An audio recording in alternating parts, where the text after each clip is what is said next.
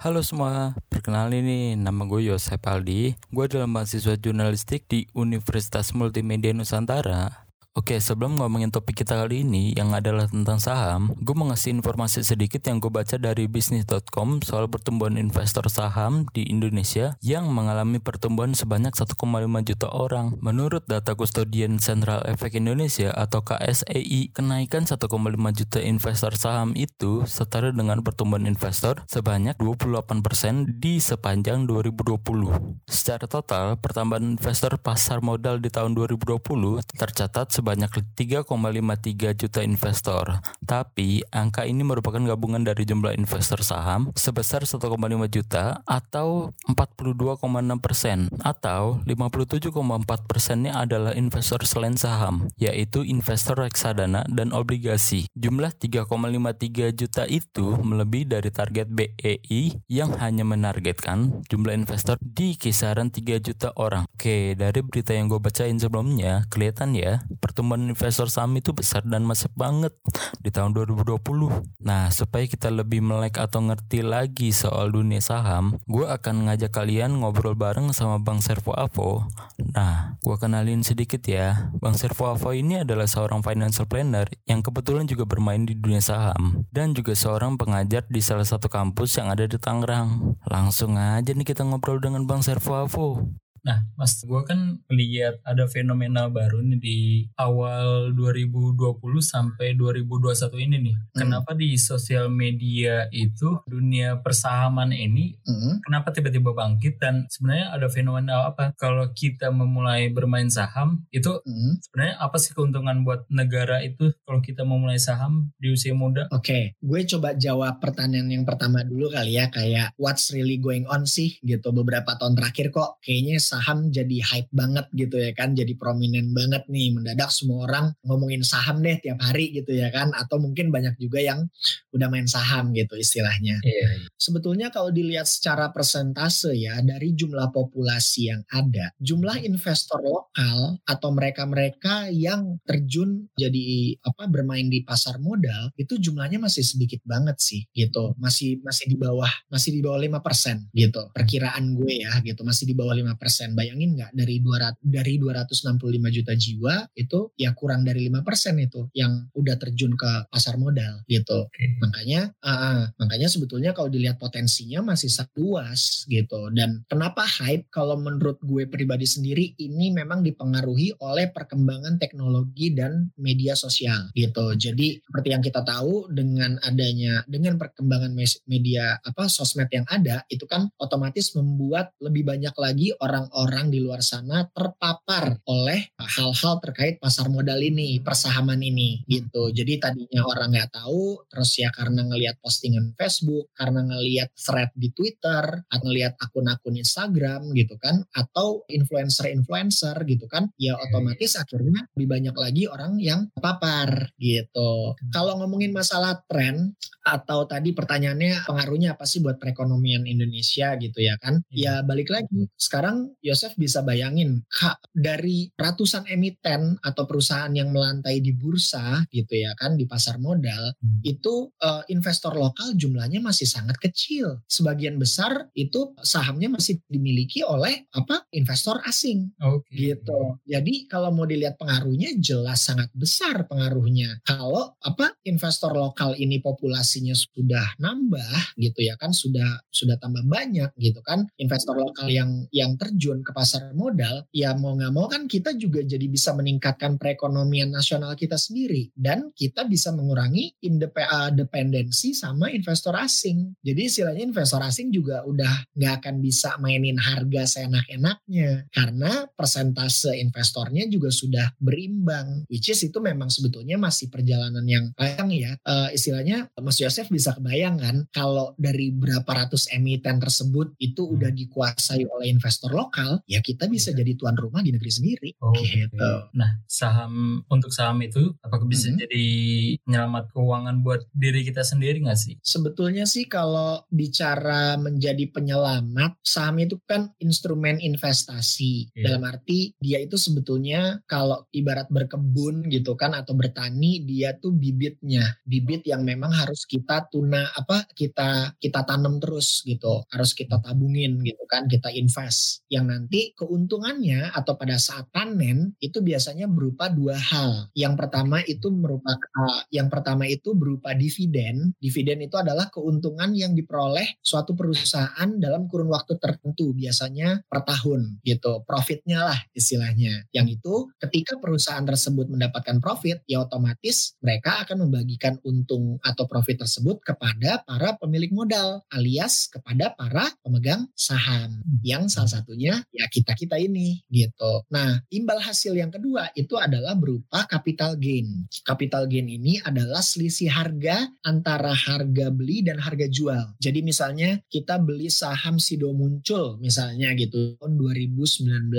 eh 2017. Di tahun 2017 itu harganya masih sekitar 450 eh, rupiah per lembar saham. Jadi kalau satu lot itu ya sekitar 45 ribuan ya, ya kan 45 ribu. Nah pada tahun 2019 itu harga sahamnya itu per lembarnya sudah naik menjadi sekitar 1.200 rupiah per lembar. Nah berarti kan ada selisih tuh, ya kan? Iya. Yang kalau kita decide untuk menjual saham kita, saham Sido Muncul kita di tahun 2019, ya otomatis kan ada selisih harga, ya kan? Ada selisih keuntungan yang kita dapetin yang disebut dengan capital gain. Kalau ditanya bisa jadi penyelamat atau enggak, tergantung situasinya sih. Kalau misalnya pas lagi bokeh terus tahu-tahu dapat dividen ya bisa jadi penyelamat ya gitu.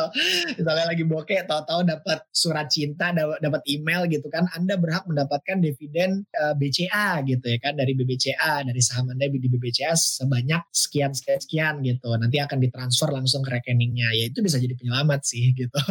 Tapi sebetulnya kalau mau ngomongin fungsi penyelamat atau proteksi itu bukan di saham, tapi di insurance gitu Oke. atau di asuransi. Maksudnya penyelamat ini uh, adalah asuransi atau proteksi ini bisa menjadi tameng atau pelindung keuangan kita dan aset-aset kita pada saat ada resiko-resiko yang terjadi gitu. Oke. Resiko tuh banyak ya gitu. Kalau kita bicara resiko, kategorinya tuh biasanya gue ngebaginya jadi dua. Resiko yang bisa dikendaliin sama resiko yang nggak bisa dikendaliin. Resiko yang bisa terjadi tapi sebetulnya masih bisa kita prediksi dan kendalikan itu contohnya kayak misalnya dipecat. Hmm, atau kalau misalnya kita atau kalau misalnya kita jadi pengusaha kita bangkrut. Hmm, atau misalnya kita hidup boros eh, main judi gitu ya kan atau eh, berhutang. Nah itu kan resiko-resiko tuh. Ah, ah, tapi sebetulnya masih bisa kita kendaliin. Tapi bagaimana dengan resiko-resiko yang nggak bisa kita kontrol? Contoh penyakit ya kan kayak pandemi nih sekarang. Nobody knows. Itu bisa bisa kena sama siapa siapa aja kapan aja di mana aja gitu. Terus kecelakaan kita nggak pernah tahu gitu kan. Pulang kantor disundul sama motor gitu ya kan. Kita ya anything could happen gitu. Terus eh, kondisi-kondisi kritis atau misalnya disabilitas termasuk kalau eh, tutup usia gitu. Nah di situ eh, ketika resiko-resiko yang nggak bisa dikontrol itu terjadi nah di situlah fungsi asuransi bisa jadi penyelamat keuangan kita gitu jadi pemahaman soal insurance-nya ini sih yang yang penting untuk diketahui sama orang-orang ya L- Apakah lu punya cerita tentang dari awal lu bermain saham hingga Mhm. ya lu udah mulai sekarang lu anggapannya itu udah memahami lah dunia saham itu ada cerita yang bisa dibagikan gak sih ke orang-orang? itu bermula dari kegelisahan gue sendiri. Dalam arti basic gue ini kan gue bekerja sebagai apa praktisi industri industri kreatif gitu.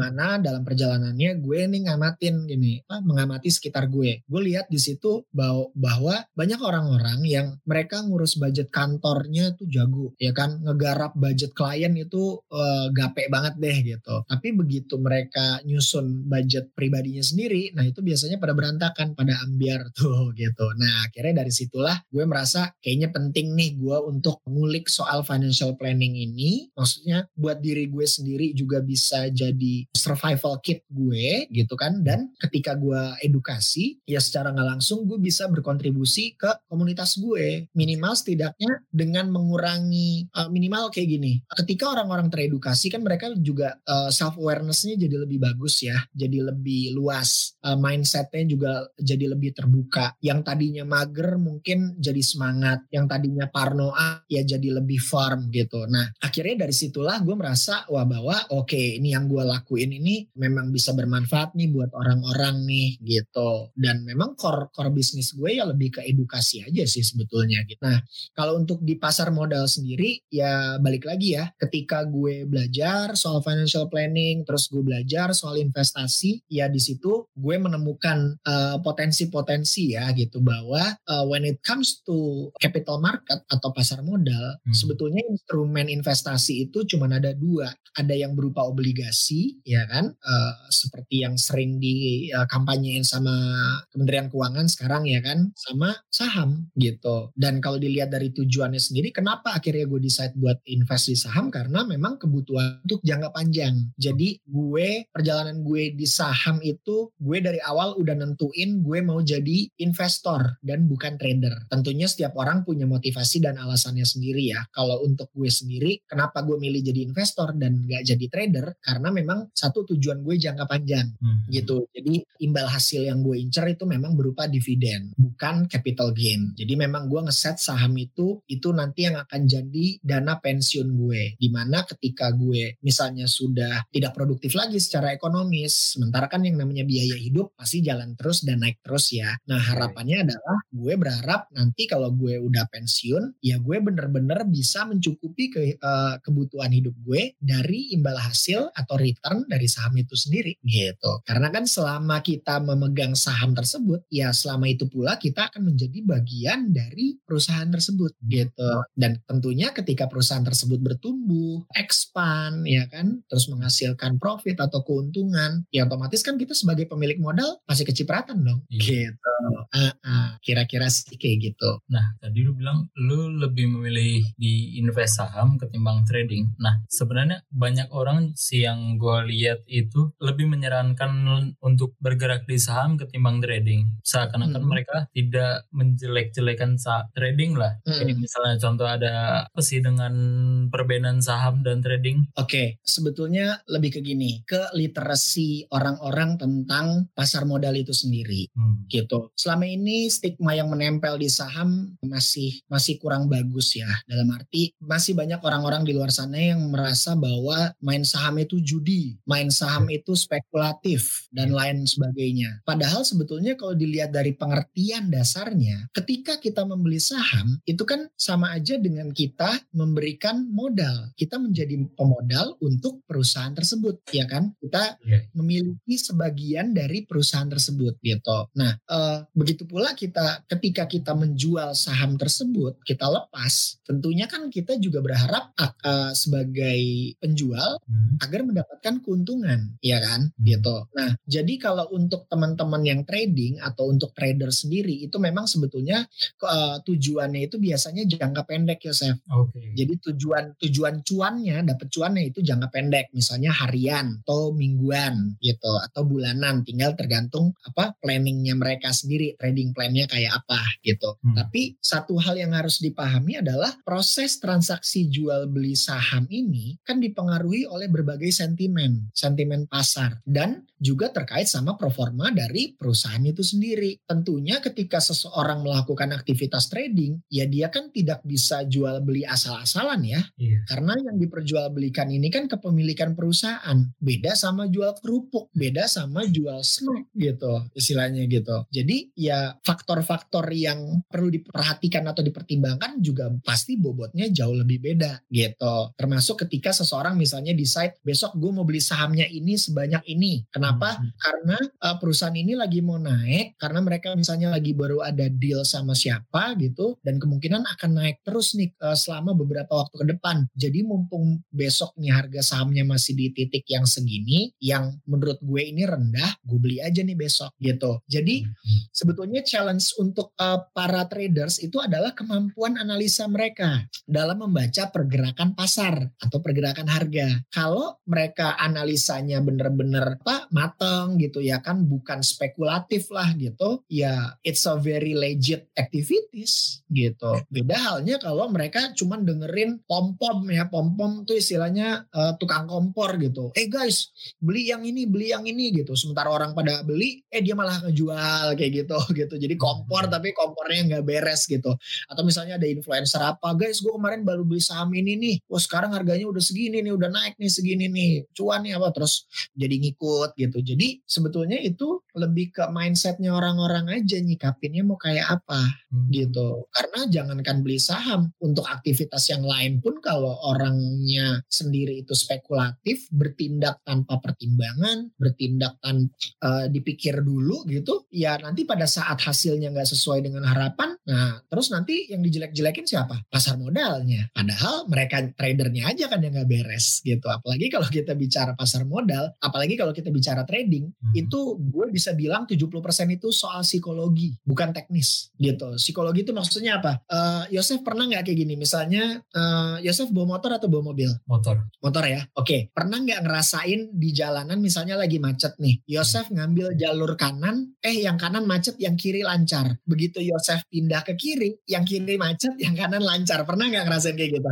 Iya itu bete sih. Bete kan? Nah iya. sama halnya di pasar modal. Di pasar modal banyak trader-trader yang kayak gitu tuh jadi ketika mereka beli harganya malah turun. Otomatis kan bohwat dong mereka ya kan? Iya. terus uh, apa ketika mereka jual mereka lepas harganya malah masih naik lagi gitu ya kan jadi mereka nggak dapet cuan dari situ gitu nah yang kayak gitu gitunya tuh yang harus yang harus dikonsider gitu nah kalau kalau trader trader ini nggak pakai perhitungan nggak pakai analisa fundamental dan teknikal hmm. ya mereka akan terus spekulatif dan akan memperlakukan pasar modal ini sebagai uh, kayak judi di kasino kayak arcade game di kasino jadinya gitu untung-untungan keuntungannya. Dan seperti yang kita tahu yang namanya judi itu adiktif karena ada reward di situ, ada adrenalin rush di situ. Dan jangan salah, bandar itu bisa ngelihat siapa yang serakah.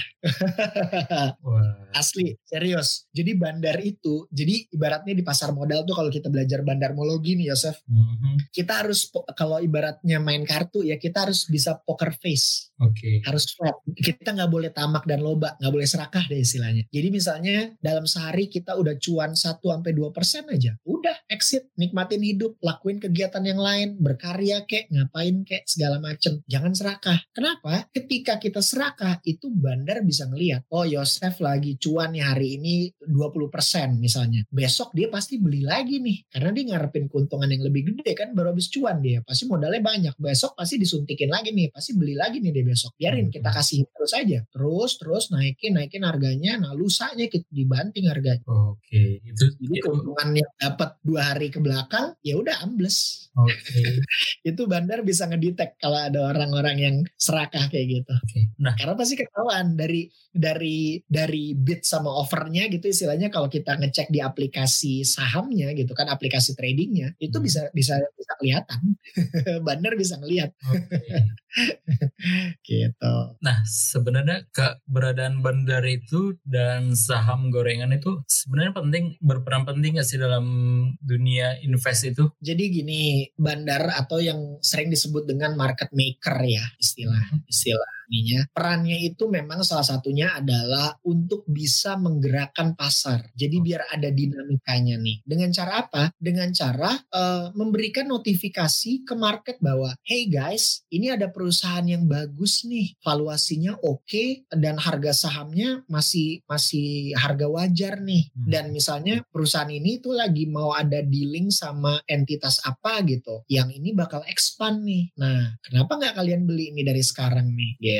Jadi uh, kebayangkan dengan begitu banyaknya ratusan emiten yang melantai di bursa, hmm. kira-kira teman-teman sanggup nggak sih ngeliatin satu-satu? Pasti nggak sanggup dong, hmm. ya kan? Nah di situlah gunanya mereka untuk bikin atau minimal uh, memberi awareness untuk pasar modal emiten-emiten yang berpotensi atau prospek-prospek yang bagus nih ke depannya. Oke. Okay. Oh, contoh salah satunya ya misalnya, hmm. ketika 2019 kemarin uh, Jokowi kepilih untuk dua periode ya kan. Hmm. Nah, pada waktu itu kan wacana yang mengemuka adalah pemindahan ibu kota dari Jakarta ke Kalimantan. Oke, ya kan? Iya, iya. Nah, nah, impactnya apa untuk ke pasar modal? Kita bisa perhatikan saham-saham dari emiten konstruksi, misalnya kayak. Adikarya, Wika, Jasa Marga, ya kan? Hmm. Itu pasti harganya kan akan gurih tuh lima tahun dari sekarang, karena bisa dibilang mereka kemungkinan besar akan mendapatkan proyek tersebut, proyek pembangunan ibu kota yang baru, ya kan? Iya, Nah, iya. kan dengan kita memahami istilahnya lambe turahnya pasar modal seperti itu, kita juga jadi bisa firm untuk oke mendingan gue beli dari sekarang nih ya. gitu. Nah, tapi kita juga tetap harus monitoring apakah memang de- demikian pergerakannya atau enggak. Yang ternyata kan pada kenyataannya ketika di akhir 2019 dan awal 2020 pandemi menerpa kita, ya otomatis kan proyek pemindahan ibu kota jadi mangkrak. Iya. Nah, dan itu pasti akan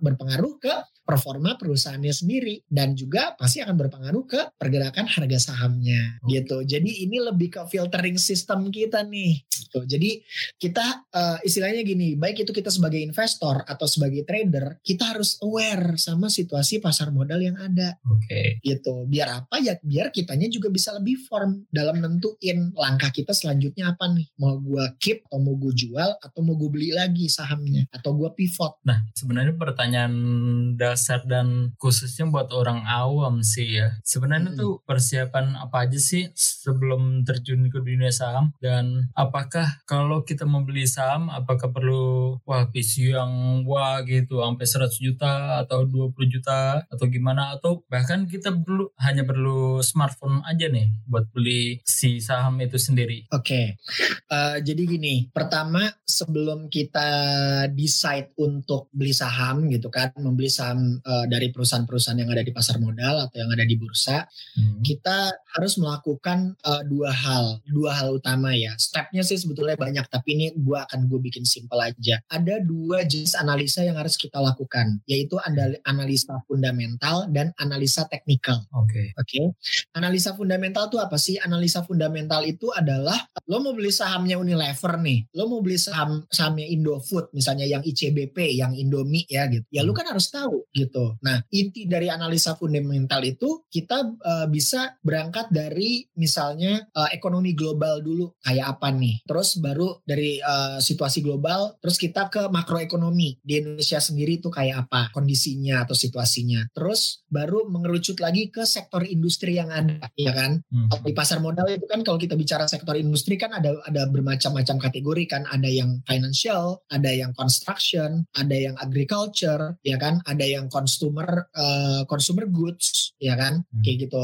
macam-macam banyak banyak jenisnya nah nanti dari setiap sektor industri tersebut kan ada perusahaan-perusahaannya nih ya kan Hmm. yang bergerak di kategori yang sama kita Hmm. screening lagi nah nanti dari situ baru kita cek perusahaan mana yang mau kita beli sahamnya kita lihat laporan keuangannya Oke. Nah, laporan keuangan dari tiap emiten yang ada di bu- di bursa itu bisa diakses di websitenya IDX Hmm. Indonesian Exchange gitu. Jadi when it comes to analisa fundamental ya kita secara nggak langsung belajar ya itu memang eh, apa ya ya menjadi salah satu bukan syarat ya tapi ya kalau misalnya memang kita mau serius mendapatkan hasil dari Mhm. situ ya penting untuk kita ngulik eh, hal tersebut gitu Eh, langkah-langkah yang harus teman-teman lakuin gitu. Adapun kalau eh, adapun yang terkait sama analisa tek- teknikal, analisa teknikal itu lebih ke teknik eh, how-nya Hmm. gitu. Kapan kita mau eksekusi ya kan, terus eh, bagaimana cara membaca interface ya kan, karena kan eh, tiap aplikasi saham itu kan pasti punya interface yang berbeda-beda. Hmm. Nah itu lebih ke bagaimana kita uh, bisa mengenal interface-nya, tools-tools apa aja yang ada di situ, termasuk bagaimana teknik kita dalam mengeksekusi transaksi yang ada gitu. Oke. Nah kalau untuk memulainya gimana? Biasanya untuk orang-orang yang mau uh, buka rekening saham itu mereka uh, bisa menghubungi sekuritas, perusahaan sekuritas. Jadi perusahaan sekuritas ini yang akan jadi intermediary intermediary-nya mereka Hmm. antara si investor dan perusahaan yang mau diinvestasiin Hmm. gitu.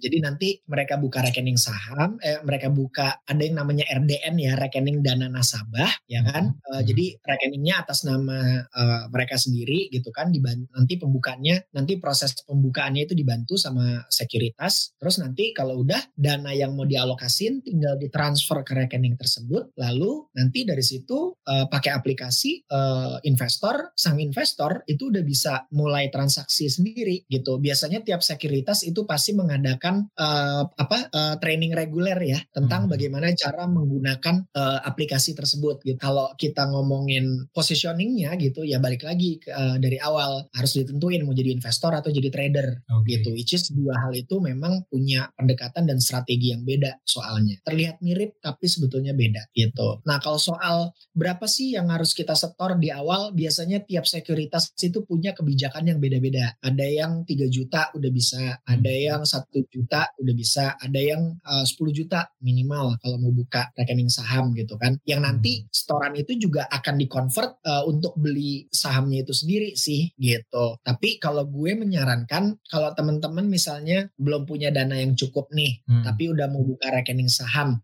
biasanya dari sekuritas sama IDX itu mereka sering ngadain event yang namanya sekolah pasar modal atau SPM. Oke. Okay. Nah itu itu diadainnya berkala tuh dan biasanya sekuritasnya juga beda-beda. Nanti tinggal teman-teman lihat aja track record sekuritasnya gimana, uh, pilih sekuritasnya yang mana. Terus kalau pas dia lagi ngadain SPM, teman-teman ikut aja. Kenapa gitu? Karena biasanya kalau SPM atau sekolah pasar modal itu biaya pendaftarannya cuma 100 ribu, hmm. ya kan? Untuk ikut sesinya, sesinya tuh biasanya dari jam 9 sampai jam 1 ya kurang lebih atau sampai jam 2 gitu. Nah uh, pembukaan rekeningnya itu uh, eh, 100 ribu itu itu nanti akan dialokasiin untuk pembukaan rekening saham yang nanti itu juga tujuannya uh, apa untuk si investor beli saham beli saham juga gitu. Jadi alias sebetulnya gratis gitu. Hmm. Itu kan lebih enak kan. Jadi yeah, teman-teman yeah. modal 100 ribu setidaknya udah punya rekening saham gitu, ya kan? Yeah. Baik itu nanti untuk jadi investor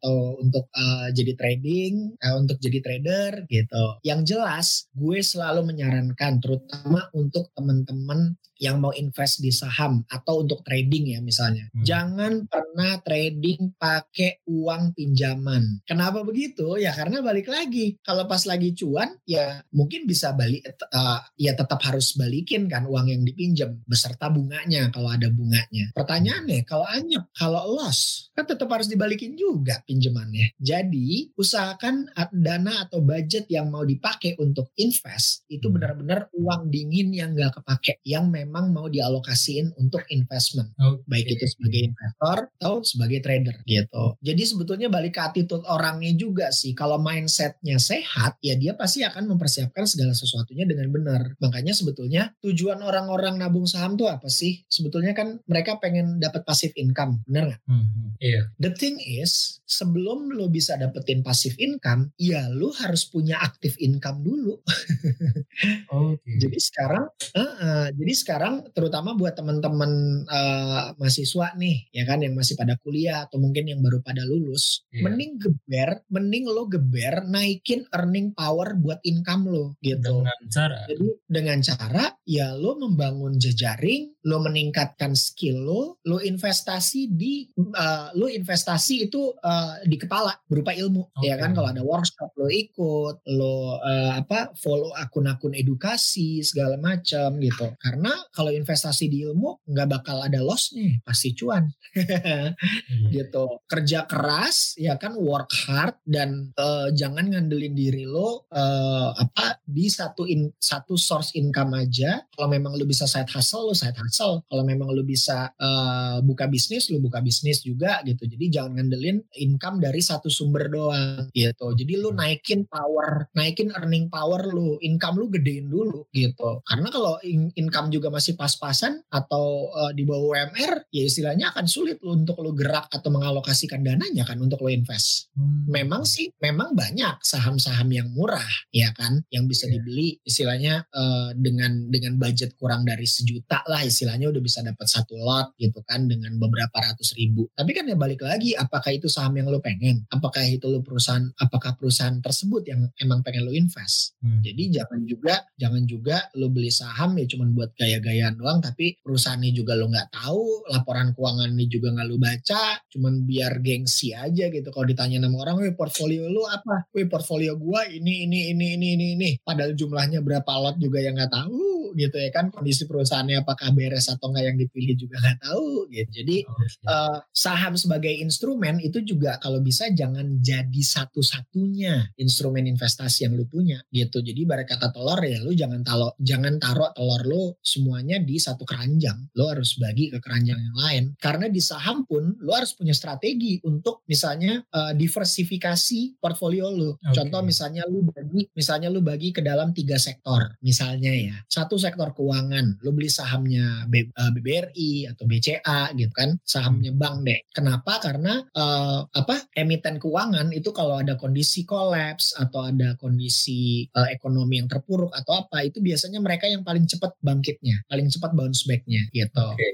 itu satu. Terus misalnya di industri atau di sektor consumer goods ya kan lu beli sahamnya Indofood atau Mayora atau uh, Unilever gitu. Uh, dengan pertimbangan misalnya ya produknya dipakai sama orang terus lu tiap hari lu dari lu dari lu lu makan Indomie ya kan lu sampoan ya lu pakai produk-produknya mereka iya, gitu ya. iya. ya selama produknya masih dipakai sama masyarakat kan berarti kan perusahaannya juga akan terus survive dan bertumbuh gitu nah terus misalnya di sektor lain gitu misalnya di bidang konstruksi gitu ya lu tahu sendiri misalnya ya, pembangunan kita lagi digeber banget infrastrukturnya apa segala macam gitu kan ya hmm. yang berarti kan ke depannya pasti akan berkembang terus gitu. Jadi kayak gitu tuh strategi-strategi yang kayak gitu tuh juga yang harus diperhatikan banget sih. Bagaimana kita mendiversifikasi aset-aset kita atau uh, apa portfolio kita ke sektor-sektor industri yang memang akan memberikan imbal hasil yang sepadan gitu ke depannya. Oke. Okay. Tentang dunia saham, gue jadi banyak dapat insight baru nih. Sebenarnya ilmu adalah investasi yang paling dasar yang bisa kita dapetin di mana-mana. Dan ilmu itu adalah investasi yang gak pernah rugi. Dan kita juga gak bisa asal-asalan ngambil emiten dan ngasal investasi saham. Kita juga perlu analisis fundamental. Singkatnya, fundamental itu adalah analisis untuk melihat sebuah perusahaan apakah sehat secara keuangan, baik jangka panjang maupun jangka pendek. Nah, di podcast ini, selain ngomongin saham, episode selanjutnya gue bakal ngebahas soal perencanaan keuangan. Bersama Bang Avo lagi nih. Di episode itu, Bang Avo bakal ngejelasin gimana sih sebenarnya cara mengatur keuangan buat kita-kita yang masih terpengaruh oleh promo sana sini, diskon sana sini. Gimana cara ngatur duit yang kita dapetin, kita kelola menjadi lebih bermanfaat. So, jangan lewatkan episode selanjutnya ya, soal financial planning.